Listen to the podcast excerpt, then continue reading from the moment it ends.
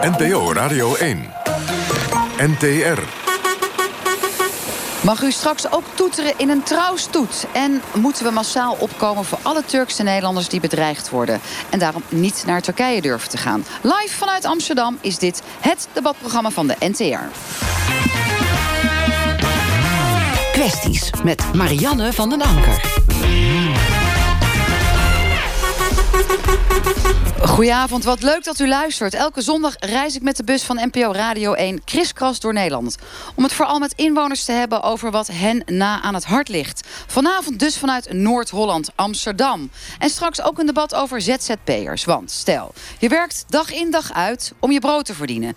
Plotseling gebeurt er iets waardoor je arbeidsongeschikt raakt. En je bent niet verzekerd. Tijd om ZZP'ers te verplichten om zich goed te laten verzekeren. Daar gaan we het zo meteen over hebben. U hoort persoonlijke verhalen en de politiek. Meekijken, dat kan via de app van NPO Radio 1 of via nporadio1.nl. We gaan meteen discussiëren nadat we eerst naar een persoonlijk verhaal luisteren. We gaan het namelijk hebben over de vrijheid van meningsuiting. Want sommige Turkse Nederlanders voelen zich bedreigd in Nederland. En dat komt met name door online pesterijen, haatberichten en dreigingen. Dat je wordt aangegeven bij de Turkse autoriteiten. En dan komt ook de angst of je eigenlijk wel of niet naar Turkije moet afreizen. Bijvoorbeeld voor een begrafenis. Bij mij in de bus van NPO Radio 1, we kijken echt uit over het ei. Vanmiddag was het prachtig weer. Net even een klein regenbuitje. En we hopen stiekem zo direct nog even op een regenboog. En die komt dan achter het hoofd van Yassim Chandan. Fijn dat jij bij ons in de bus bent. Je bent publicist. Um, uh, hebt een specifiek geval met ons te bespreken. Een pittige ervaring. Vertel. Uh, nou, ik moet even wel nog even aanvullen, want uh, u zei net oh, de Turkse autoriteiten aangeven. Dat is niet hier het geval. Dat ga, daar gaat het niet om. Dus ik vind het heel belangrijk om uit te leggen wat het precies is. Want dat is het niet. Het Go gaat ahead. vooral, vooral over intimidatie. Van uh, fake nieuws eigenlijk. Um, en mij tot, uh, zo tot doelwit maken. En het gaat eigenlijk over uh, twee Twitterberichten van mij die totaal verkeerd zijn vertaald. En um, dat ik bijvoorbeeld de moslims haat. Um, uh, de, dat, ja, weet je, dat, dat je verbonden bent met Pegida. Uh, exact. En dat berichtje van Pegida, iedereen weet het, is helemaal viraal gegaan. Dat hij daar zit en een Turkse jongen wil hem een hand geven. Hij geeft geen hand. Dus ik zeg, um, uh, ik, ik geef hem geen hand, no comment. Dus zij draait totaal om. En, uh, dus en wie andere... zijn dan die zij? Want we hebben het over twee Twitterberichten... waar je behoorlijk wat last van hebt gehad. Nou ja, dat zijn dus eigenlijk is dit een, een, een Turkse website. Ik noem het ook geen journalisten. Want journalisten doet hoor en wederhoor. Dat hebben zij niet gedaan. En ze hebben gewoon een doel gehad om mij gewoon target te maken. Dat is gewoon puur doelwit. En um, ik heb daar gewoon heel erg last van. Want... Uh, uh, mensen, weet je waarom ik er last van heb? Zal ik zo uitleggen? Want stel, ik, ik spreek niet goed Nederlands. Ik kijk naar die website en ik zie zo'n bericht over ene mevrouw Jandan... dat ze moslims haat. Uh, dat ik donderop zeg tegen alle moslims. En dat ik, dat ik een soort van eens ben met Pegida. Nou, dat is natuurlijk walgelijk, weet je? Walgelijk. En je zegt en, natuurlijk uh, terecht, het is fake nieuws. Want ik heb dat nooit gezegd. Maar hoe kan het dan vanuit jouw Twitter-account zijn verstuurd? Nee, ze hebben niks van mij gestuurd. Ze hebben gewoon mijn tweetberichten hebben ze gebruikt in hun, op hun website. Ah, en zij hebben okay. mij op maandag sturen ze mij een WhatsApp-bericht daarmee. Dus laat het ook nog weten. En dat is natuurlijk ook mega intimidatie. Dus dan bel ik terug. En dan uh, hoor je, het nummer is niet in gebruik. Begrijp je? Dat is puur gewoon intimidatie. En ik, wat ik ook wil zeggen, wat belangrijk is... ik ben niet de eerste. En, maar ik wil wel de laatste zijn, want dit kan gewoon niet. Want dit is gewoon niet veilig, begrijp je? Dus dit kan gewoon niet, dit. Wat doet het met jou? Want je overwoog zelfs even om niet af te reizen voor een begrafenis. Allereerst wil ik zeggen, dat, komt, dat, is, dat is stap 2. De begrafenisverhaal, dat is stap 2. Stap 1 is voor mij dat dus dit soort berichten mij in gevaar kunnen brengen. En dat de Nederlandse overheid... Laten we even niet meer over Turkije hebben, want ik leef hier. Ik ben Nederlands staatsburger. En ik vind nu dat de Nederlandse overheid moet kijken van... put your money where your mouth is. Bescherm me dan maar. Maak het maar strafbaar dit, want dit heeft ernstige gevolgen. Dus ik wil een beroep doen op de Nederlandse... dus eigenlijk op minister Grapperhaus... heb ik al eerder gedaan gedaan. Uh, die moet jou gaan beschermen. Maar je zou nou ja, ook denken, je kan gewoon... starten met aangifte doen. Heb je dat gedaan in dit ja, geval? zeker. Ik heb zeker aangifte gedaan, absoluut. En, eh, maar er is, weet je, er is geen adres voor aangifte. Want die gasten zijn gewoon fake. Nummers kloppen niet, adressen kloppen niet. Begrijp je? Maar ze hebben wel... Op eh, Twitter hebben ze iets van 2000 mensen die hen volgens mij volgen. We weten wel iets over die gasten. Hè? Het is een, ze noemen zichzelf een online krant. Jenny Fatan. Ja. Um, Heb jij helemaal geen contact met hen kunnen krijgen? Nou ja, we hebben dus gebeld op de website, maar dat nummer klopt niet. Uh, dat, ik heb, ze hebben me gewhatsappt, dat nummer heb ik ook gebeld, klopt ook niet. Weet je, al dat, daarom is het dus fake nieuws. Fake, fake, fake. Maar met ernstige gevolgen. Want als je zo'n bericht ziet, denk je van... Weet je, je wordt gewoon woest. Woest omdat er leugens zijn. Want als je mijn track record zou bekijken... wat ik heb gedaan in Nederland met een integratiebroek... Uh, broek. Hoe ziet dat eruit? Ja, dat is een hele aparte kleurrijke broek. Met een integratie. Het is allemaal lapjes van verschillende exact. vlaggen. Ik heb bicultureel ingevoerd om het positief te houden. Ik heb inspiratie voor integratie gedaan. Nou, je bespreekt taboe onderwerpen. En je bent ook het gezicht van, wat dat betreft, de moderne vrouw. Maar ik heb een track record als het gaat om integratievraagstukken in Nederland op een positieve manier. Dus om mij zo dus je naam wordt te gabbel gegooid. Ja, je zegt er is ja. sprake van smaad ja, en je wil dat jij wordt beschermd. Ben je de enige die door deze website zo nee. zeg maar, nee. verkeerd wordt Nee. vertaald? En ook, want dat heb ik wel begrepen, met trollen die dan aan de slag gaan en ook die berichten nog verder verspreiden. Nou ja, ik, ik heb heel veel mensen gesproken die ook slachtoffer van hen zijn geworden. Maar wat je wel krijgt, is dat mensen heel vaak zeggen: laat maar. Maar ik, uh, als, uh, wat ik al eerder ook heb getwitterd als Rotterdamse straatras, ga ik dit niet laten. Want um, nee, ik laat je gewoon niet meer los. Want dit is zo schadelijk voor mij. Ik bedoel, uh, inderdaad, die da diezelfde dag dat zij mij zo zwart hebben gemaakt, is mijn oom overleden. En toen heb ik wel even gedacht van shit. Oh, excuseer de mo. Ja. Uh, van, uh, zo niet zo heel gaan? erg, denk en, ik, en, kan op uh, NPO Radio 1. Ja, exact. Fijn, hou ik van. Ehm, dus begrijp je? Dus je bent, wel, je bent wel aan het nadenken van... het is gewoon gevaarlijk wat ze doen. Want de impact die jij ervaart... is ook dat jij mogelijkerwijs in Turkije opgepakt kan worden. Die stress neemt ook bij jou, neem ik aan, uh, hand over hand toe. Nee, oppakken is, uh, is natuurlijk wel een, een... Weet je, na één bericht uh, kunnen ze niet oppakken. Want er zijn andere Nederlands-Turkse journalisten... die de hele tijd heen en weer gaan tussen Nederland en Turkije... die heftiger zijn. Daar gaat het niet om. Ik wilde zelf die risico niet nemen. Het is niet zo na één bericht, ik word opgepakt. Zo werkt het ook niet. Ik bedoel... ehm, En je bent niet angstig aangelegd. Want ik ken ook mensen in mijn privéomgeving... die soms vanwege een politieke nee, mening echt wel twijfelen... of ze weer naar Turkije moeten teruggaan. Ik wil dit wel oplossen, begrijp je? Dus ik... Uh... Is het een trend overigens, zoals jij zei... ik ben niet de enige, ik wil wel dat ik de laatste ben... dus ja. ik wil niet dat de trend stopt... maar zie jij dit samen met andere mede-publicisten... journalisten, columnisten hand over hand toenemen? Uh, ik zie het zeker toenemen. Maar wat ik wel, wat ik wel bijzonder vind is... Uh, ja, dat, dat de Turkse gemeenschap wel stil hierover blijft. En dat is natuurlijk wel. Durf ze het niet voor je op te nemen uit angst? Nou ja, de, de, mensen die voor me opnemen zijn vooral toch Nederlanders. Nou, ik weet niet of het vanuit angst is, maar je, ik denk dat het ook conclusie kan kunnen we zeggen dat is hoe verdeeld de gemeenschap is onder elkaar. Hmm. Hoe verdeeld het is en hoe triest eigenlijk. En het heeft niets te maken met een soort angst vanuit Erdogan en hoe ver zijn hand reikt. Nou, ik, ik, die andere columnisten zijn niet zo heel bang aangelegd. Um, kijk, dat zou ik aan hen moeten vragen. Aan alle andere mensen die invloed hebben op Twitter of wat dan ook. Waarom dat zo is, dat weet ik niet. Anders ga ik nu iets verzinnen wat niet klopt. Maar nee, en het blijft in ieder geval, als je hem niet alleen bij uh, journalisten... maar ook sterk krijgt ook steeds meer geluiden van ondernemers... en mensen die gewoon burger zijn in dit land. Die ook... Ja, die er ook last van hen gehad. Ja, klopt. Er zijn, ik heb hier en daar geïnformeerd. En uh, meneer had het over 78 mensen...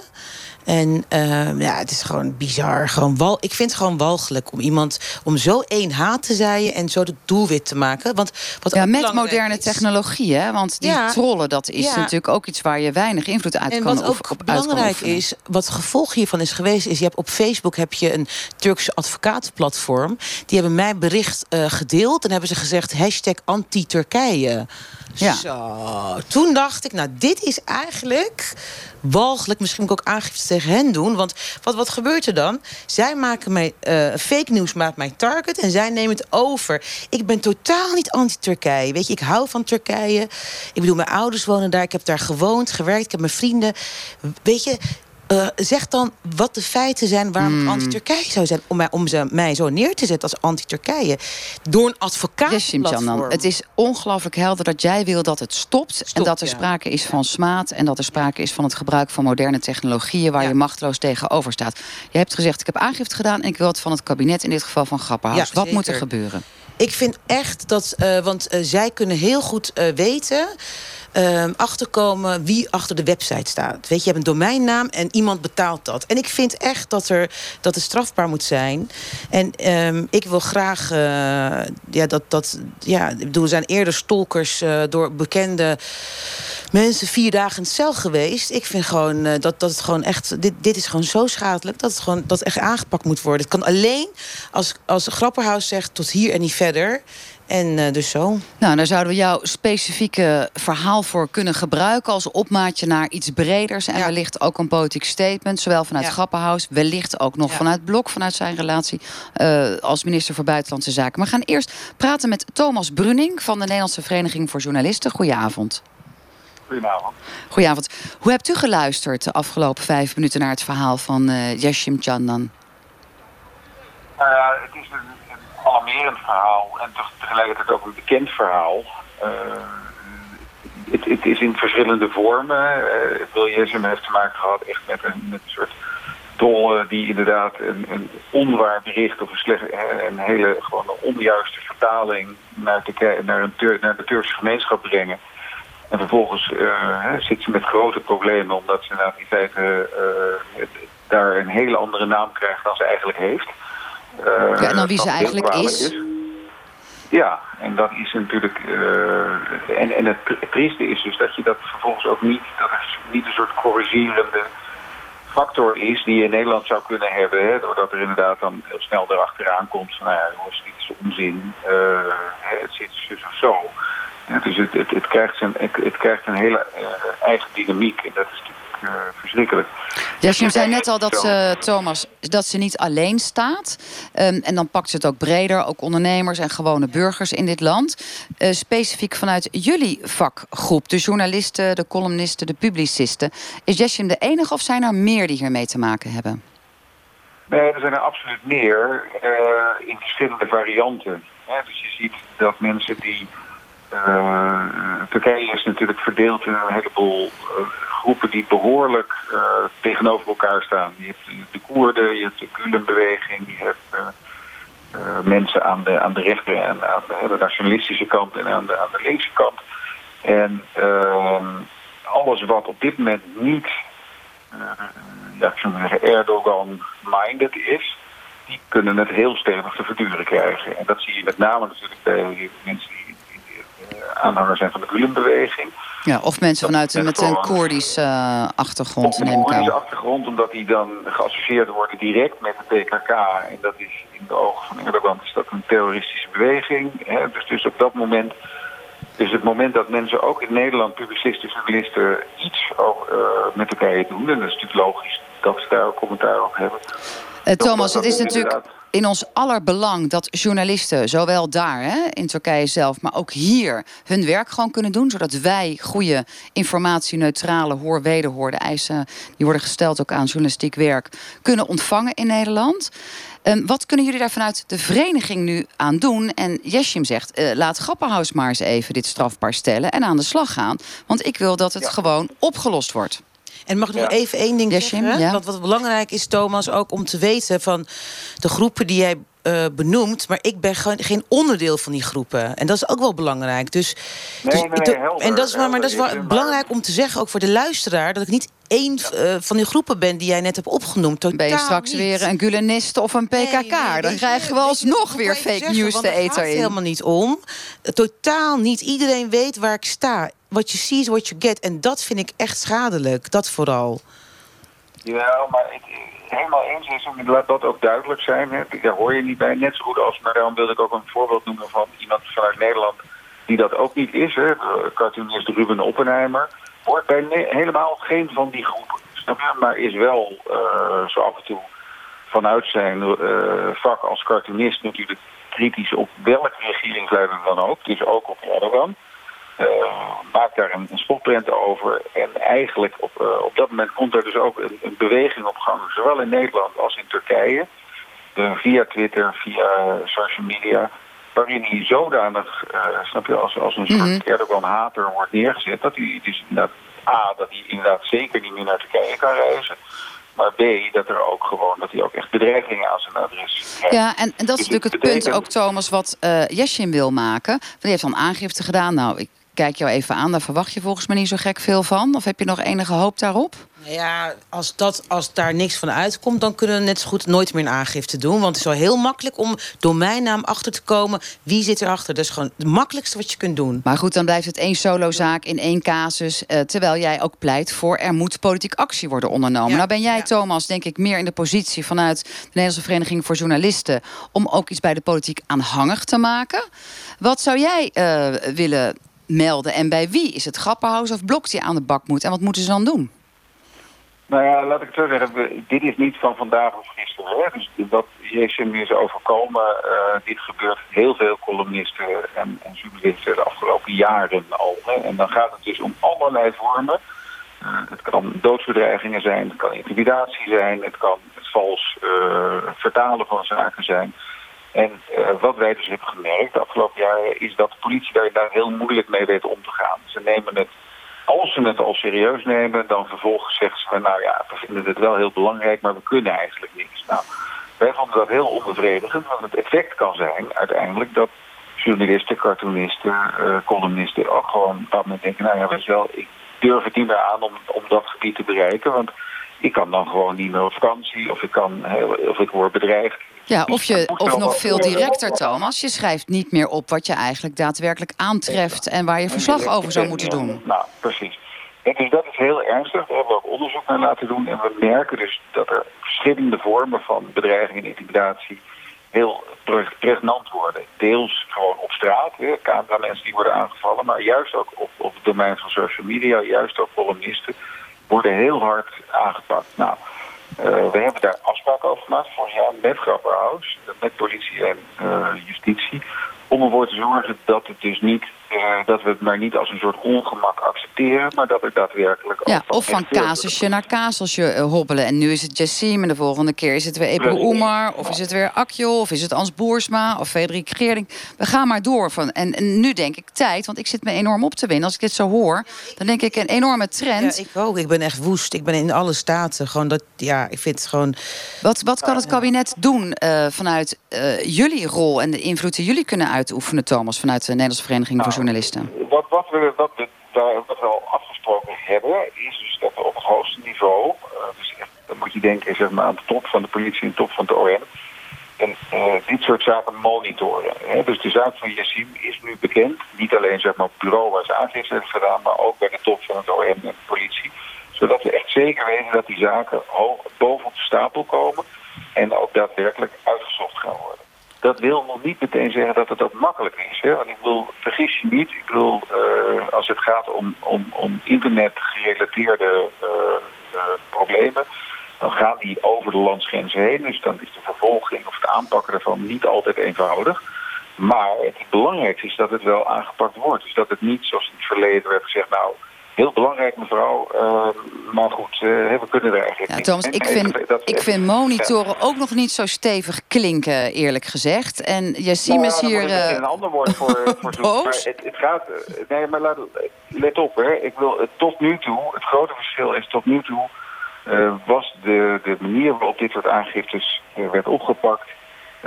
volstrekt willekeurig. En heel vaak werd het niet serieus genomen. Nu is het in ieder geval zo dat we, er, uh, dat we al die aangiftes in beeld krijgen. Uh, ook vanuit uh, niet alleen de politie zelf, maar juist ook de belanghebbenden zelf. Die moeten terugkoppeling daarover krijgen. En we zien al, en dat is de zaak bijvoorbeeld van columnist Eus, waarin er een, een, veroordeling is geweest. Maar we zien het ook in een andere zaak van een journalist in Amsterdam.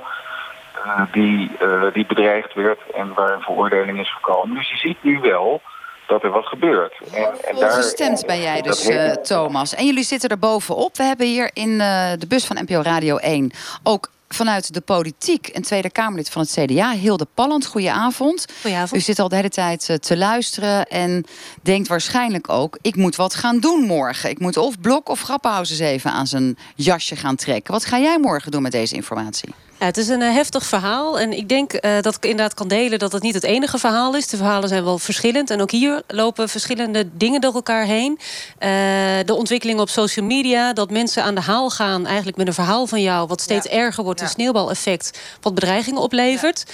Nou, ik, het is toch belangrijk dat je aangifte doet. Ook al zeg je van ja, misschien levert het niet direct wat op. Het is wel van belang dat dat het heeft in beeld... Gedaan. Zeker. Dat het, maar de, anderen moeten dat ook doen. Zodat het wel in beeld maar komt. is het nu een, een zaak dat... Want we weten ook allemaal, u zit in de politiek. Ja. Er zijn ook richting Turkije allemaal politieke belangen en economische belangen. Ja. Uh, hoe belangrijk is het dat journalisten hier in Nederland met een Turkse achtergrond hun werk in Nederland vrij kunnen doen en daar ook heen kunnen gaan en zich vrij kunnen voelen? Want het is volgens mij een bedreiging voor de vrijheid van meningsuitingen voor het vak van journalist. Dat is het. En dat maakt het ook dat het zo van belang is dat we daar pal voor gaan staan. En we hebben ook gezien dat het niet alleen columnisten en, en uh, uh, journalisten uh, raakt, maar ook bijvoorbeeld een raadslid van de SP uit, ja. uit Eindhoven die Turkije ook drie is, weken is daar in de opgepakt. Cel. Precies, dus daar zijn we in de Kamer natuurlijk ook mee bezig geweest. en het is heel erg van belang dat op het hoogste niveau, en dat heeft Blok ook gezegd, dat er over gesproken wordt. Dat de uh, Turkije daarop wordt aangesproken. Uh, er werd ook gesproken, zou je dan economische sancties moeten opleggen? Nou, uh, vanuit Nederland alleen heeft dat geen, geen zin. Dat moet je in Europees verband doen. maar Turkije heeft natuurlijk ook economische belangen bij de investeringen die Nederland daar doet. En daar wordt echt wel. Zou je zo ver durven gaan vanuit het CDA dat je zegt, nou, een grote miljardendeal, die laten we nu niet doorgaan. Want jullie gaan eerst maar eens even zorgen dat onze Turkse journalisten, of Nederlandse journalisten met een Turkse achtergrond zich vrij kunnen. CDA. Als dat zo is. Maar durf je zo ver te gaan? Nee, want ik denk ook niet dat dat uh, zinvol is omdat nu zo ja, je zegt net zelf, uit... economische nou, sancties hebben misschien wel zin. Nou, daar is over gesproken in de Kamer. En wat ik van belang vind is dat uh, de minister zeg maar, op het hoogste niveau... dat zij de ruimte hebben van de Kamer ook... om uh, die maatregelen te treffen die zij nuttig achten. Maar vooral ook om nou een beetje powerplay te gaan doen. Dat kon ook nog wel eens averechts gaan werken. Want we kennen de meneer die in Turkije aan de macht is. Die wil dan ook geen gezichtsverlies leiden. Dan hebben soms andere maatregelen zijn zinvoller... dan nu keihard te gaan roepen... we moeten dit en dit gaan, maar gaan eigenlijk doen. Heel de Palland, voor zover. CDA Tweede Kamer. Ik zie jou enorm je opwinden. Nou ja, kijk, het is eigenlijk, eigenlijk veel simpeler. Yes, weet je, als we het heel klein houden in Nederland... weet je, als je als een grapper, minister Grappenhaus nou zegt van... oké, okay, inderdaad, dit kan gewoon niet. We gaan het echt gewoon ernstig uh, straffen... dan gebeurt het ook niet meer. Klaar. Je hoeft helemaal niet economische sancties te doen... powerplay te doen. Het is eigenlijk heel simpel. Het is, want dan uh, zijn Hij moet zich wat bang... jou betreft morgen al gewoon uitspreken van... ik ik accepteer exact. dit niet. Want het gaat om het vrije, is dat... vrije woord in Nederland. Hè. Daar gaat het om. Daar vrije staan wij woord. pal voor. En ik neem aan dat ook Hilde de minister Palland, van, CDA, van rechtsbescherming daar ook pal, uh, pal voor staat. Uh, in, en dat is een andere kwestie dan inderdaad de mensen die in Turkije wel of niet meer naar Turkije terug durven te gaan of voor familiebezoek. In Nederland moet je als publicist gewoon uh, je kunnen uiten. Maar ik heb al een kan oproep niet gedaan zo... en hij heeft er niks mee gedaan. Dus hoe belangrijk Kun jij, Hilde dat Palland... de, va de vakbond ja. aangeeft dat ze met de minister hierover in gesprek zijn om daar prioriteit aan maar te geven. Jessin wil graag horen dat hij morgen, of anders uiterlijk even powerplay, uiterlijk eind Nou, van deze week, gewoon zegt. van zichzelf laat publiekelijk. horen. En ik heb altijd eh, practice what you preach. Als je echt als CDA vrije woord, hè, dat gaat over onze cultuur en beschaving, belangrijk vindt, dan moet hij hierachter staan en zeggen tot hier en niet verder. Ik ben ook Nederlands staatsburger en hij moet zeggen: ik bescherm jou. Daar gaat het om. Even gewoon heel erg even klein. En daar gaat het om. Hoe belangrijk vinden we het vrije woord in Nederland? Ja, dat is het. Dat is een kernwaarde van, uh, kernwaarde van Nederland. Dus we mogen ervan uitgaan dat jij gaat proberen om minister Grapperhaus tot deze uitspraak te ontlokken. Dat hij eigenlijk gewoon zegt: Jessim, ik bescherm jou. En met jou staat Jessim symbool voor al die andere mensen die op Ja, dezelfde ja, manier exact, ja. ook worden bedreigd. Ja. Het kabinet staat daar gewoon voor. Ik, kan- ik kan dat niet de Ja. minister op, uh, laten, laten zeggen. Maar dat is gewoon een grondwaarde in, in Nederland. En daar hebben we ook. Ja, maar dit, dat is al Onafhankelijke 30.000 justitie jaar zo'n beetje de grondwaarde in daarom Nederland. Zeg ik, ik ben niet de eerste, ik wil Nee. de laatste zijn. Ik wil nu actie zien. Ik Ja. wil echt actie zien. Nou, aangifte Ja. doen. Het OM Heeft moet het gedaan. voorbrengen voor de rechter. En dan eh, komen de uitspraken. En er zijn ook al veroordelingen geweest. Dus dat lijkt me de juiste Ja, weg. nou ja, je- ik, ik ben daar... Thomas dus- Bruning. Nee, laat ik het zo zeggen. Ik ben er dus wel positiever over dan, dan dat ik dat een jaar of twee jaar geleden zou zijn geweest. Omdat we daar een heel, eh, een heel programma, en dat heet persveilig.nl, ook omheen hebben opgezet. Eh, en dat betekent dus eh, dat er op dit, op dit front veel meer actie wordt ondernomen dan er in het verleden werd gedaan. En, en veel meer prioriteit aan wordt gegeven. Dat neemt niet weg dat het wel een complexe zaak is. En dat is iets heel anders. Hè? Dus je kan wel. dus het is niet makkelijk om nu te zeggen, nou, we gaan ze oppakken, want zo werkt het niet. Het gaat erom dat je er prioriteit aan geeft en dat je alles op alles zet om dit soort gedrag aan te pakken. En dat is volgens mij wat we nu moeten doen en waar we ook in het project Persveilig mee bezig zijn. En het ingewikkelde van deze kwestie is, dat, dat loopt in de discussie een beetje door elkaar heen, is dat we ook nog eens met Turkije te maken hebben. En in Turkije gebeuren er ook nog andere hele onfrisse mm, dingen naar, naar, een aantal groepen. En met name naar journalisten die in Turkije zelf ook uh, ja, ja, ja. En dus dat zijn eigenlijk twee discussies die op dit, op dit vlak soms door elkaar lopen. Maar dat betekent niet zeg maar, dat het niet in onze ogen topprioriteit moet zijn. En daar zullen we ook de minister op aanspreken. Maar dat, uh, ik heb wel het idee dat daar in ieder geval uh, positieve ontwikkelingen in zijn de afgelopen tijd. En we hopen dat onder andere de zaak van Jesin zal laten zien dat er ook daad bij het woord wordt gevoerd. Dankjewel, Thomas Brunning van de Nederlandse Vereniging voor Journalisten. Ja, wij zitten hier natuurlijk wel in deze bus ons enorm op te winden. Dat je denkt, ja jeetje, want die journalisten moeten wel beschermd worden. Maar Flinta Karabulit, docent geschiedenis, um, jij hebt misschien een hele andere mening. Hoe zit jij te luisteren naar dit verhaal? Kijk, ik, ik hoor allemaal sancties tegen Turkije. Dit zijn gewoon Nederlanders die dit doen, hè? Dit zijn gewoon Nederlandse staatsburgers die doodsbedreigingen uiten naar een journalist. We moeten gewoon binnenlands kijken. Ik bedoel, um, wat Yasin heeft gezegd is fake news, is een feit. Maar stel je voor, het was niet eens fake news. Dan zijn die doodsbedreigingen nog steeds bullshit. Maar dus... waar blijft het geluid ook van de Neder-Turken... die uiteindelijk ook zeggen, je zien, we nemen het voor je op. Wij beschermen jou ook mede. Ja, ik snap wel dat we dan naar de Neder-Turken kijken. Maar sorry, een overheid is er om al zijn staatsburgers uh, te beschermen. En dan hoeft er geen groep achter je staan. We zijn allemaal individuen die ons natuurlijk hopelijk collectiviseren en samen de strijd tegengaan. Maar als dat niet het geval is, moet Grapperhaus... We kunnen zeggen Erdogan, dit, dat. Maar het is gewoon een Nederlands probleem. Nou ja, Niet, ja, dat vind ik heel goed dat je het zegt. Want ik vind het heel makkelijk, ook van Nederland en Nederland, om, om meteen Turkije bij te halen. Want, dat doet Turk, uh, want Nederland is geobsedeerd met Turkije. Serieus. Media is geobsedeerd door Turkije.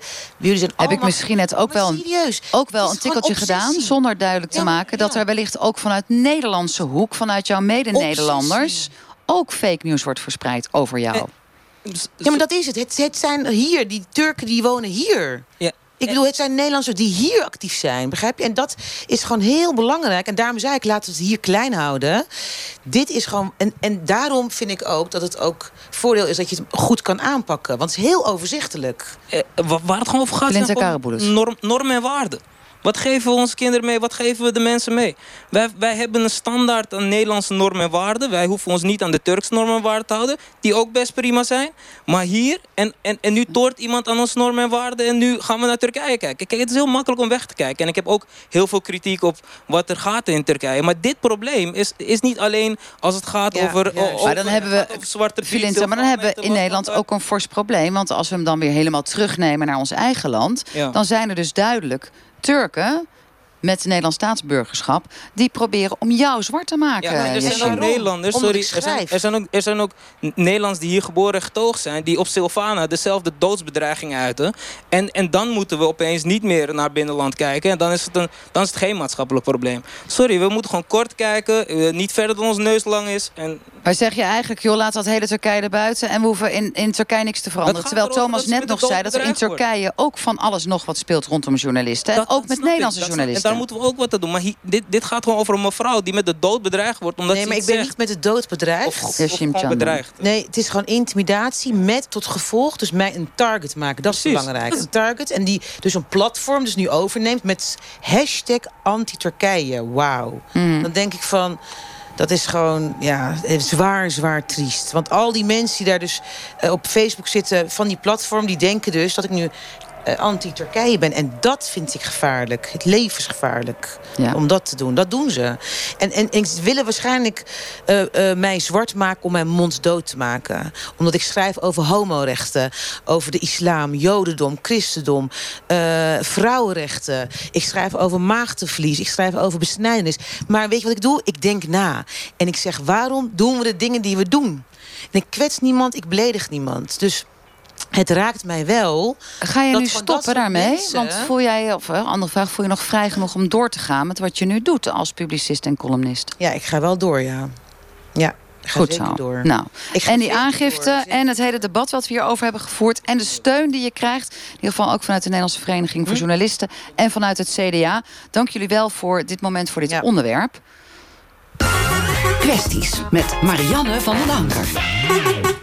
Ja, jullie horen al de toeter van onze bus. Wij willen het heel kort even hebben over het toeterprobleem. Blijf een beetje bij de Turkse en in dit geval ook Marokkaanse Nederlanders. Die het heerlijk vinden om in grote stoeten door allerlei steden te gaan. Als er een bruiloft wordt gevierd. Dat is in Amsterdam in ieder geval een issue. Op andere grote, eh, in andere grote steden ook eigenlijk overal in heel Nederland.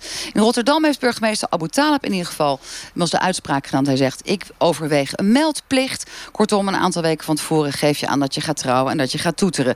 Heel kort, hè, want we hebben nog een ongelooflijk belangrijk onderwerp. Uh, ja, vind je het geestig, Yassine? Ik vind het wel grappig dat je gaat meldplicht of je gaat toeteren en hoe je gaat toeteren. Dan denk ik van, waar gaat het over? Ja, en nou, Abu Talib zegt, dan kan ik in ieder geval de bonnen ergens heen sturen. Waarvan ik dan ook denk, ja, uh, kentekenregistratie, overal hangen camera's. Dan krijgt het bruidspaar toch gewoon de, de rekening gepresenteerd. Ja. Heeft zo'n meldplicht zin? Even de vraag daarin. Filinta Karabulit. Ja, ik weet niet. Ik weet dat ik de boete niet krijg. Ik heb geen rijbewijs. Maar uh, ik, weet je, als Ajax eh, kampioen wordt... of een Nederlands elftal pakt, uh, pakt het WK of het EK... dan toeter ik ook gewoon met liefde. Alleen vanuit de passagiersstoel. Maar ik doe het wel. Ik bedoel, het, het, moet ook wel een beetje een feestje blijven. Maar verkeersveiligheid gaat natuurlijk wel. Uh, ja, dat is weer. Maar ondertussen hoor ik uit jouw woorden, jij zit gewoon in die stoet. en als iedereen uh, meegaat, doe jij ook gewoon vrolijk mee. Ja, maar het is moeilijk, want dan moet ik echt hangen. Maar um, ik, weet je, we kunnen over alles regels maken en een meldplicht, maar waar gaat het over? Kijk, als er echt verkeersonveilige situaties Nou ja, die nou, is er. Er is een agent in Rotterdam neergehoekt te worden soms. Dat, dat is gewoon asociaal gedrag. Dat is niet verkeersveiligheid. Dat is gewoon één Nee, maar als je, die, uh, als je dat gebruik niet vanuit Turkije, Marokko naar Nederland had gehad, hadden we dit probleem ook niet. Yashim, het gaat zeker. Weet je waar het over gaat? Nou, Mag ik je zeggen? Tuurlijk, altijd. Waar, waar, waar het over gaat is zo belangrijk. Wat we niet moeten vergeten is, er is een traditie ja. Door multicultureel Nederland. Hè? Dus op een gegeven moment uh, heeft Nederland daar last van. Dat is gewoon zo. Van wat gaan we doen? Ga je aanpassen? Ga je niet aanpassen? Wat vind jij, Yassine?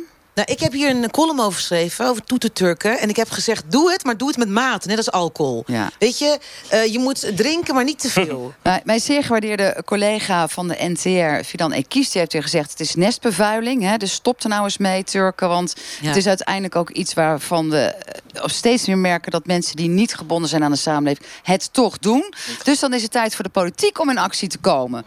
Wat vindt nou, het CDA, Hilde Palland? CDA krijgt het druk. Ja, ja hartstikke druk. Ik Turk. hey, Turk. Ik, uh, ik maak een hoop aantekeningen vanavond ja. hier. Uh, ja, ik, ik ben het wel een beetje uh, eens met mijn collega die zegt van samenleven doe je niet alleen. Af en toe een keer toeteren, volgens mij is er helemaal niks mis mee. Ik kom zelf uit Kampen, daar is het niet echt een probleem. Bij een WK wordt er ook getoeterd. Ja? Maar op het moment dat het bij bruiloft is het bij ons geen probleem. Ik kan en me voorstellen ons is? dat in Kampen dan, bij de gemeente Kampen. Ik kan me voorstellen dat in Rotterdam of Amsterdam dat misschien anders is. En als het echt overlast geeft voor, voor de samenleving en de verkeersveiligheid dan moet er lokaal moet je daar afspraken over maken. Misschien iets in Kijk, APV. Hij wordt vrolijk teruggeduwd naar de steden vanuit landelijk lokaal afspraken maken. We hebben een toeter uit de bus. Met Marianne van den Anker. nou, dit onderwerp hebben we even vrolijk weggetoeterd... en niet de uh, eer gegeven die het ook eigenlijk verdient. Want het is natuurlijk een stevig maatschappelijk probleem. We willen heel graag met jullie van gedachten wisselen... over een ander onderwerp. Deze week, uh, uh, zoals gezegd, staan wij in Amsterdam.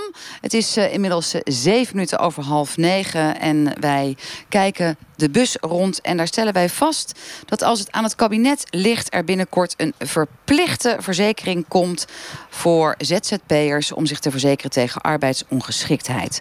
We hebben in de bus uh, vanuit de vakbond FNV Marjan van Noord. We hebben het CDA, zoals al gehoord, Hilde Palland.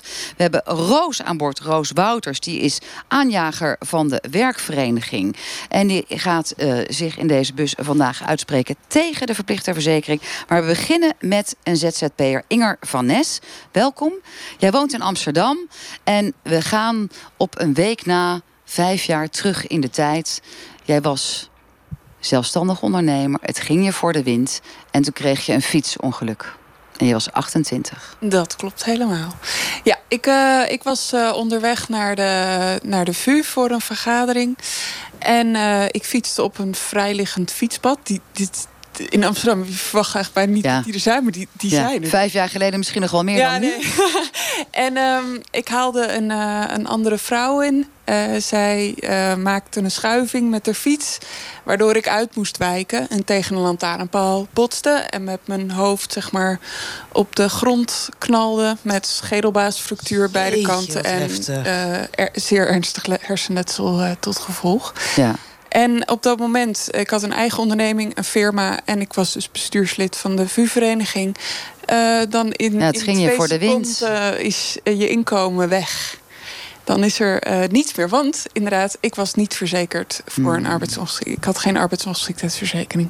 Jeetje, en nooit aan gedacht op dat moment? Nee. Je was 28, het ging je voor de wind. En je dacht, mij gebeurt niets? Nee, ik heb, ik, heb daar, ik heb daar inderdaad serieus nooit aan gedacht. Dat Vond je het misschien vrij naïef ja. en dom. Ja, ja want even, hoe is de financiële situatie dan nu bij jou? Want je kan dus nergens eigenlijk terecht, want je hebt geen AOV. heb je ook geen recht op bijstand bijvoorbeeld. Uh, je mag alleen in bijzondere bijstand, dus een lening die je geheel zal terug moeten betalen. Um, je spaargeld moet enorm verminderd zijn, wil je recht hebben op iets van zorgtoeslag of huurtoeslag. Um, en uiteindelijk heb ik helaas een rechtszaak moeten voeren tegen de WA-verzekering van de andere fietser. En daar is een schikking uitgekomen, dus een geldbedrag. Waar ik nu heel veel vermogensbelasting over moet betalen. dus dat is nu uh, mijn inkomen. Is gewoon dus. Ja. Afschuwelijk. Ja, dat is een afschuwelijke situatie. Dus in die ja. twee seconden en op het moment dat je dus niet, ver, verplicht of niet hebt laten verzekeren. Ja. Uh, ja, en dan zit je nu hier vijf jaar later, na dat uh, verschrikkelijke ongeluk. Ja. Ik kan me voorstellen dat je niet wil dat anderen dit ook overkomt. Um, het kabinet wil nu alle ZZP'ers dat zij zich verplicht laten verzekeren voor arbeids, arbeidsongeschiktheid. Word je daar nou niet blij van? Ja, ja, ik word daar behoorlijk blij van. Eh, ik ben niet het. Uh, ik, ik vind het huidige systeem is niet zo goed. Want uh, nu kunnen bijvoorbeeld uh, mensen die gewoon de post bezorgen of in de bouwwerk of zo, die hebben hun inkomen is veel te laag om de vrij mm. hoge kosten uh, te dragen. Um, en bijvoorbeeld mensen die een medische geschiedenis hebben, zoals ik nu. Ja. Die kunnen en de geschiedenis, je hebt gewoon een medisch sticker, je hebt gewoon hersenbeschadiging. Ja, dus ik kan me niet eens meer uh, nee. verzekeren. En dat geldt natuurlijk voor veel meer mensen die ooit eens iets hebben gehad en daar niet meer in kunnen. Dus ik ben het niet eens met hoe het huidige systeem is. Maar ik ben wel voor uh, een verplichte. Zoals, ja, verzekering, voor die ZZP's. En dat is ja. overigens een hele brede groep. Hè, want dat zijn mensen die in de bouw zitten. En dat zijn ook die postbezorgers. Maar ook mensen die gewoon nou ja, zich uitgeven als creatieveling... of als accountant of als leraar of wat dan ook. Want die zitten tegenwoordig ook allemaal als ZZP'er in de arbeidsmarkt. Roos Wouters met Daantje. Daantje is de hond. Die houdt zich ja. super gedijst. Ongelooflijk. Maar nu ga jij praten. Dus we zijn heel erg benieuwd of Daantje gaat reageren. Denk. Zoals gezegd, jij bent aanjager van de werkvereniging... en tegen deze verplichting verplichte verzekering voor ZZP'ers. Waarom? Nou, ik ben voornamelijk tegen de uh, alleen maar voor ZZP'ers. Omdat ik denk dat je een sociaal stelsel aan het bouwen bent. Uh, waar je steeds weer allemaal mensen in vakjes aan het stoppen bent. Terwijl um, wij zijn dus een platform voor modern werkenden. Je ziet steeds meer mensen uh, last hebben van... Ja, het ene moment zijn ze in dienst. Het volgende moment zijn ze weer eventjes... De, klussen ze ernaast. Of ze wisselen die dingen af. Of ze studeren en daarnaast ZZP'en ze toe.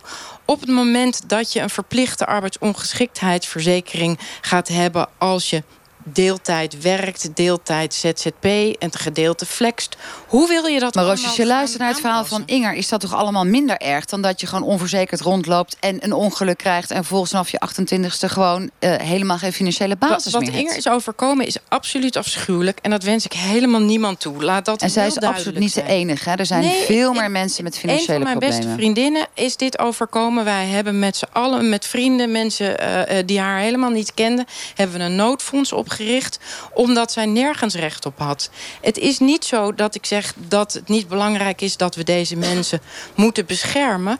Wat, waarom wij tegen de verplichte uh, arbeidsongeschiktheid... voor ZZP'ers hebben gestemd... is omdat ik denk dat je een, weer een hokje gaat bouwen... waarvan ik denk, ja, het werkt hmm. niet, laten we dit. Want ik maar denk in plaats van namelijk... iets niet heb je een petitie ingediend... Hè, voor iets wel bij Wouter Koolmees, ja, vlak voor de zomer. Ja, wij hebben gezegd, Vertel, Wouter Koolmees, kort. zorg nou even dat we een AOV... Uh, uh, als je, de eerste twee jaar denk ik dat je zelf moet organiseren. Of je nou in dienst bent, dan moet je werkgever dat doen. Als je ZZP'er bent, moet je dat zelf doen. Um, waarschijnlijk had je ook nog wel genoeg spaargeld... of een manier kunnen vinden om die twee jaar te overzien. Maar als je permanent arbeidsongeschikt wordt... dan is dat een risico wat we volgens mij als samenleving met elkaar moeten dekken. En dat alleen dan ook betaalbaar is. Oké, nou en dat heb je neergelegd bij Wouter Koolmees. Hij heeft waarschijnlijk ja. gezegd... dankjewel Roos namens het Belangenplatform voor Modern Werkende... als je aanjager van de werkvereniging. Wij moeten in ieder geval met elkaar, zo zit Timefree in elkaar... per 1 januari 2020 een voorstel tegemoet zien. Want dit zijn afspraken die in principe al zijn gemaakt... bij het pensioenakkoord. Marjan van Noord, u bent manager expertisecentrum Zelfstandigen. Dus u hebt met al die ZZP'ers gesproken. Of niet, hè, dat is een van de dingen die toch ook speelt, Marjan. Dat die FNV um, helemaal niet representatief is voor heel ZZP Nederland. Nou ja, niet al, elke zelfstandige is lid bij ons... maar we hebben, wij zijn de grootste vereniging oh, in Nederland. Maar even voor de cijfers, het is toch heel belabberd eigenlijk? 2 procent, 3 procent? Nou, en ik weet niet hoeveel zelfstandigen hebben we. Ongeveer een miljoen, maar er zitten heel veel hybride zelfstandigen oh, bij... met werknemers en zelfstandigen. Maar we hebben een aardig grote groep okay. vertegenwoordigd. Dus dat, uh, Wat vinden jullie? Wat wij vinden is, wij zijn uh, het eens hoor... Dat je, uh, dat je moet kijken naar een regeling die passend is bij bij, deze tijd. Dus wij hebben gezegd, uh, wat wij van belang vinden... je moet een arbeidsongeschiktheidsverzekering... je hebt het voor werknemers, ook voor zelfstandigen is het van belang.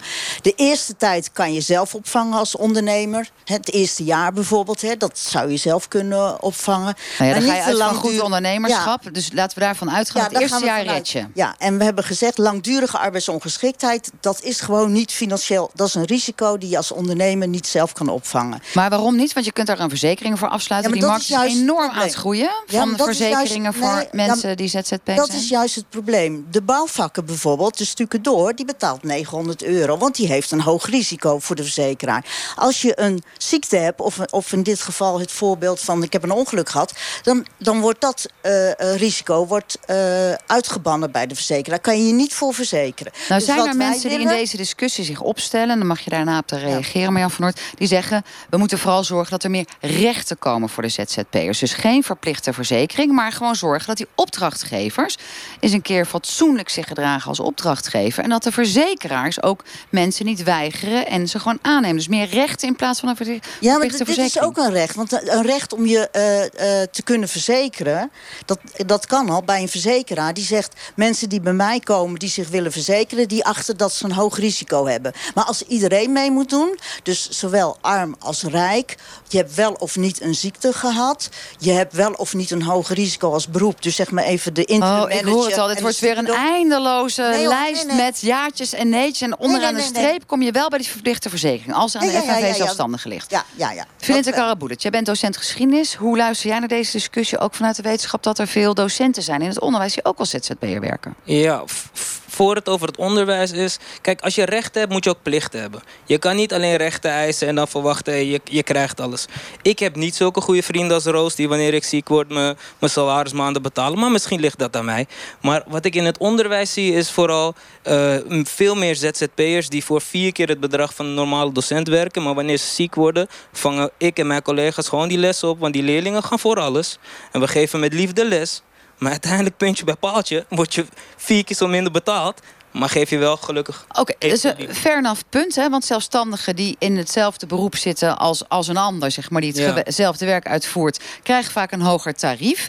Maar het heeft ook weer te maken met die opdrachtgever die ze gewoon niet in dienst van nemen. Want dat is natuurlijk het hele eieren eten. Heel veel schijnwerk. Want deze docenten geven gewoon les. Je kunnen ze toch ook gewoon een contract krijgen van zo'n school? Nou, wat, wat we in het onderwijs zien is dat docenten vooral ZZP'er willen worden, omdat ze daardoor extra betaald worden, omdat ze een tekortvak geven. Uh, dus die willen, niet aan, die willen eigenlijk geen vast contract. Die nee, want ze kunnen veel meer verdienen zo. Inderdaad. En wanneer een opportunisten zijn het. Moeten die opportunisten verplicht verzekerd worden wat jou betreft? Sowieso, die halen ook een beetje de solidariteit eruit, vind ik. Maar ik verplicht verzekerd worden? enge tendens. Sowieso die... verplicht verzekerd worden, zoals iedereen. Want het punt is, als jij ziek wordt, vang ik jouw leerling op. En als ik ziek word, gelukkig vangen andere collega's mij. Ja, waarschijnlijk ook ZZP'ers Nee. Aanjagen nee, van de werkvereniging. Misschien niet, Die hoeven dat niet. Waar, waar ik, he, ik vind deze tendens dat er eigenlijk twee uh, uh, verschillende soorten groepen werkende beide heel hardwerkende, beide alle goedwillend tegen elkaar uit worden gespeeld. En Door wie worden ze tegen elkaar nou, uitgespeeld? media. Uh, ik hoor de, politiek heel veel zeggen... ja, ze zijn niet solidair. Nou ja, ik hoor het bij de vakbonden. Maar is het wel zo? Dan ehm, zijn ze solidair. Even, even, even eerlijk, zijn nou, ze wel solidair? Kijk, wat, wat is er solidair aan? Nou, ik zit bijvoorbeeld in een broodfonds met een hele grote groep uh, ZZP'ers... die op het moment dat ik ziek werd, vingen we elkaar op. Omdat wij um, ja, ik heb meerdere keren geprobeerd een vast contract te krijgen. Kreeg ik niet. Op een gegeven moment dacht ik, ik ga het op een andere manier doen. Ik ben niet vrijwillig ZZP'er geworden. Maar zou nou nooit meer in dienst willen. Maar vang met mijn mede-ZZP'ers elkaar op. op dus het moment dat ik mij verplicht ga verzekeren bij een verzekering. Waarbij de kleine lettertjes staat... Uh, mevrouw Wouters, u heeft wel eens uw knie bezeerd. En er is wat met uw knie. en uiteindelijk krijg ik niet uitgekeerd. Maar je bent ja, u komt in een groep. Maar jij bent voorverplicht verzekeren. Dat heb je in ieder geval gezegd. Valente Karaboudous. Inger, je wil wat zeggen? Ja, ik wil wat zeggen over het broodfonds. Want ik ben heel erg pro-broodfonds. Dat is dan zeg maar een, een soort uh, mini-verzekeringetje... met een klein groepje uh, zelfstandigen. Probleem is echter dat je uh, na twee jaar is het klaar. Ik ben nu vijf jaar onderweg. Dus uh, zonder inkomen. Ja, dus ja. Dat, en even voor, daar, voor stel dat die situatie overkomt, zodat alle luisteraars dat begrijpen. Inge, leg het nog even één keer uit. Waar kan je allemaal niet terecht als je in jouw situatie zit? Overal niet. ja, dus, nee, maar dus, je krijgt geen bijstand, geen bijzondere bijstand. Je krijgt gewoon helemaal niks. Je moet je huis opeten. Is er niets? Maar niets. Oké. Een van de dingen die vaak wordt gezegd waarom ZZP'ers niet solidair zouden zijn, is omdat wij ons niet verzekeren, omdat we dan terugvallen op de bijstand. Dat is dus ook gewoon nee, simpelweg dat is, niet waar. Dat is niet, dat zijn dat dus dit, nee, maar ik bedoel, dit wordt wel heel vaak gezegd alsof ZZP'ers niet nadenken en op de belasting nou ja, het, Een ander punt wat natuurlijk wordt gemaakt is dat die verzekeringstarieven hoog zijn. Hè? Tussen de 300 en de 900 euro. Nou, ja, het is belachelijk. Uh, en, gaan naar de solid, en dat zou... Nou, even, even als FNV zelfstandigen. Dus, die, dus de 3 en 900, als we een collectieve verzekering doen... die waar iedereen aan meedoet, of je nou veel verdient... Maar collectief, bij alle Nederlanders of iedereen die ZZP'er is? Iedereen die ZZP's, want werknemers zijn al verzekerd voor de ziektewet. Dus die hebben dat al. Nee, die zijn ook verzekerd voor de CDA. Jaar. Want jullie uh, verwachten dat voorstel. En jullie willen er als politiek, zeker als coalitiepartijen, nu ook snel mee door. Want de uh, verkiezingsperiode die daaraan zit te komen, dringt alweer, hè, maart 2021. Nou ja, als we, uh, als we stappen willen maken, moeten we nu gewoon ja. claimen. Ben je voor verplicht? Wij zijn voor een collectieve regeling voor alle werkenden. Dus niet alleen de zelfstandigen. Ook voor iedereen die bijvoorbeeld in dienstverband is, een flexverband of wat dan ook. Collectieve basisregeling voor arbeidsongeschiktheid. Het het risico voor langjarig zeg maar, uitvallen, wat Inger is uh, gebeurd, dat is gewoon als individu niet te dragen. En een verzekering ook niet. Of je wordt niet toegelaten tot de verzekering, of het is onbetaalbaar. Die situaties zijn ook verschillend. Met, ook met Roos eens dat tegenwoordig werken heel anders is als een aantal jaar geleden. Uh, dan ben je wel in dienstverband, uh, dan, dan niet. Dus we moeten dat gewoon collectief regelen voor alle werkenden. En dan is het ook gewoon betaalbaar. Het is toch onvoorstelbaar dat een, dat een bouwvakker onverzekerd op een stijger staat. En het punt wat Filinta maakt... is dat het verschil in beloning tussen zelfstandigen en gewone werkenden... dat is dan wel gigantisch groot. En dan zouden we voor de uh, momenten dat het niet goed gaat... zouden we daar het weer gelijk trekken. Ja, ik ben... precies, het is gewoon een collectieve regeling. Dus daarmee maak je ook het verschil tussen de uh, uh, arbeidsvoorwaarden weer wat kleiner. Zeg maar, wat ook wel een discussiepunt is wat jij eigenlijk op tafel ligt. Het is een afgeleid argument, maar wordt ook aan tegemoet gekomen. Marjan van Noord, ja, nou, even die, die, collectieve uh, verzekering wat wij nu beogen... Hè, wat afgesproken is in het pensioenakkoord, is een verzekering. En dat geldt voor werknemers zijn ook verzekerd. Zeg maar even, dat is even technisch, de WIA-verzekering. Dus dat je, als je een jaar lang arbeidsongeschikt bent... dat je dan 70% kent van, krijgt van het laatst verdiend wat je als inkomen hebt gehad. Dat geldt voor zelfstandigen. Dus je premie die je betaalt is afhankelijk van het inkomen die je hebt. Dus als je een laag inkomen hebt, betaal je een lage premie. En ook heb je een hoog inkomen, heb je een, een, hogere premie... maar ook een hogere uitkering. is vergelijkbaar zoals het nu met werken, werknemers nou, ook is. Die, die, zijn nu ook verzekerd. Roos als je dit zo hoort vanuit FNV Zelfstandigen... dan is dat toch best aardig uitgewerkt al in de hoe vraag? Nou, ja, kijk, op het moment dat het alleen maar voor ZZP'ers is... Kijk, het probleem is, vind ik, dat er nu met een kanon op een mug wordt geschoten. 80% van de ZZP'ers heeft uh, heeft het goed geregeld. Dat is heel vervelend voor die andere. Uh, 80% heeft het niet geregeld, hè? Nee, wel geregeld. Niet volgens de officiële normen. Die hebben uh, bijvoorbeeld een broodfonds. Wordt niet Ik sta echt versteld. Is dat zo? Dat zoveel mensen het wel geregeld hebben? Of een hele rijke familie. Ja, of een rijke familie. Of ze kunnen hun bedrijf verkopen. Of ze hebben een huis. Nee, maar wacht even. Want dit vind ik best wel belangrijk. Er wordt gezegd 80% heeft het niet geregeld. Volgens de traditionele manier van turven. Uiteindelijk de mensen die het wel hebben geregeld... wat verreweg de Maar Roosje zegt eigenlijk het is een non-probleem. Nee, het is niet een non-probleem. Dat probleem op het moment dat je echt permanent ziek bent... is een gigantisch probleem. Want ik kan mijn huis niet opeten. En, en ik bedoel, mhm. ook het huis en mijn rijke familie... en ik weet niet wat, zal het niet dekken op het moment... dat ik echt langdurig ziek blijf. Dat is een probleem.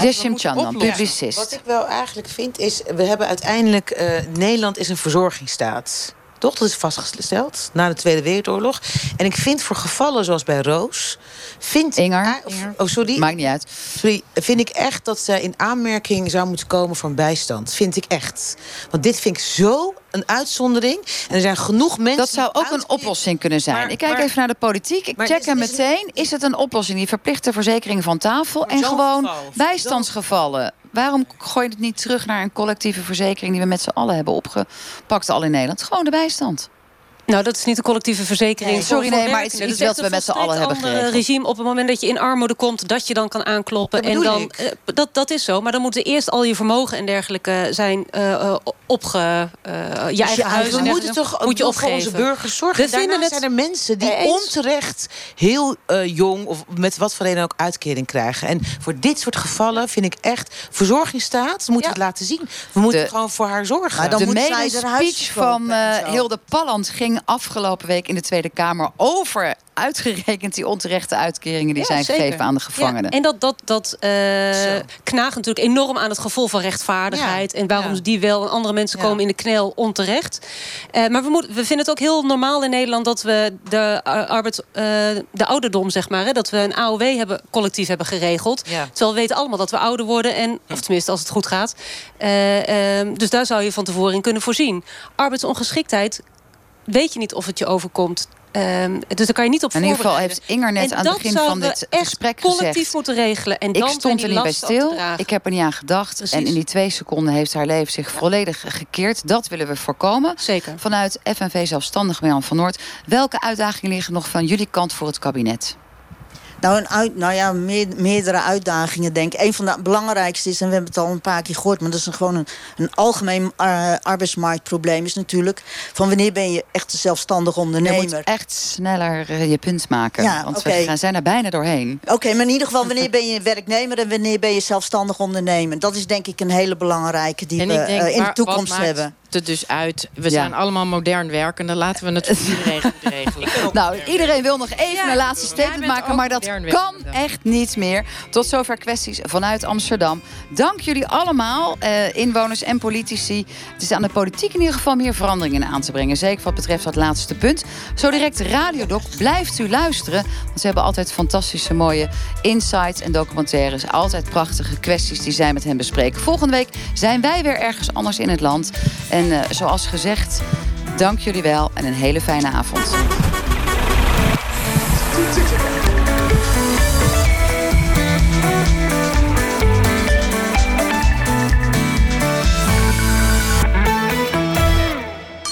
Radio Bergijk. Radio Bergijk in een nieuw jasje. Radio Bergijk. Ja, da, uh, dames en heren, Bergijkenaren. Dit is Peer van Eersel. Daar worden dingen gemaakt die, um, die heet de podcast. Terug als podcast. En een potje erin met interviews die vooraf zijn opgenomen. Zodat de mensen op ieder willekeurig moment die kast open kunnen trekken, het potje eruit halen. En dan is het podcast. Oh ja, nou is het mij helemaal duidelijk. Ga naar nporadio1.nl slash podcast. Snap je? En luister Radio ja, Bergijk als het jou uitkomt. Eh, uh, Tetje, uh... De podcast Radio Bergijk. Oké. Okay.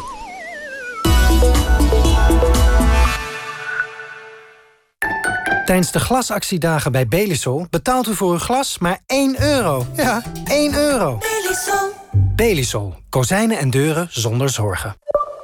Dit is een reclame in een reclameblok waardoor je meteen weet dat het reclame is.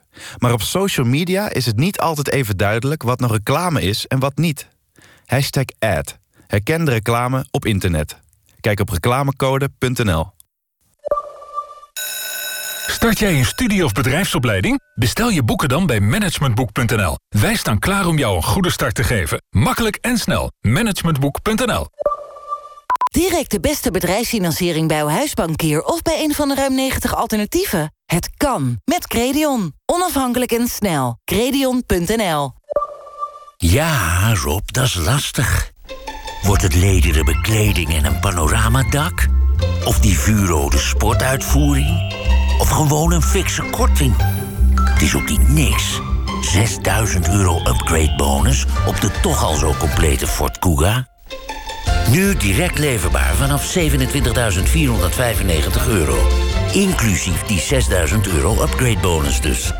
Maar ja, Rob, dan moet je wel snel naar Ford.nl. Zakelijk vastgoed financieren. Het kan. Met Credion. Hallo, ik ben Stijn Hoppenbrouwers, een van de Electroworld-ondernemers bij u in de buurt. Bij mij kunt u onder andere terecht voor alles wat koelt, vriest, kookt, wast en droogt. Samen vinden we voor u de beste oplossing. Electroworld, mooi voor elkaar. Kijk voor een winkel bij u in de buurt op electroworld.nl. Wereldwijd gaan 9 van de 10 kinderen met een handicap niet naar school. Het Lilianenfonds zorgt ervoor dat zij wel naar school gaan. Ga naar lilianenfonds.nl en kijk wat u kunt doen.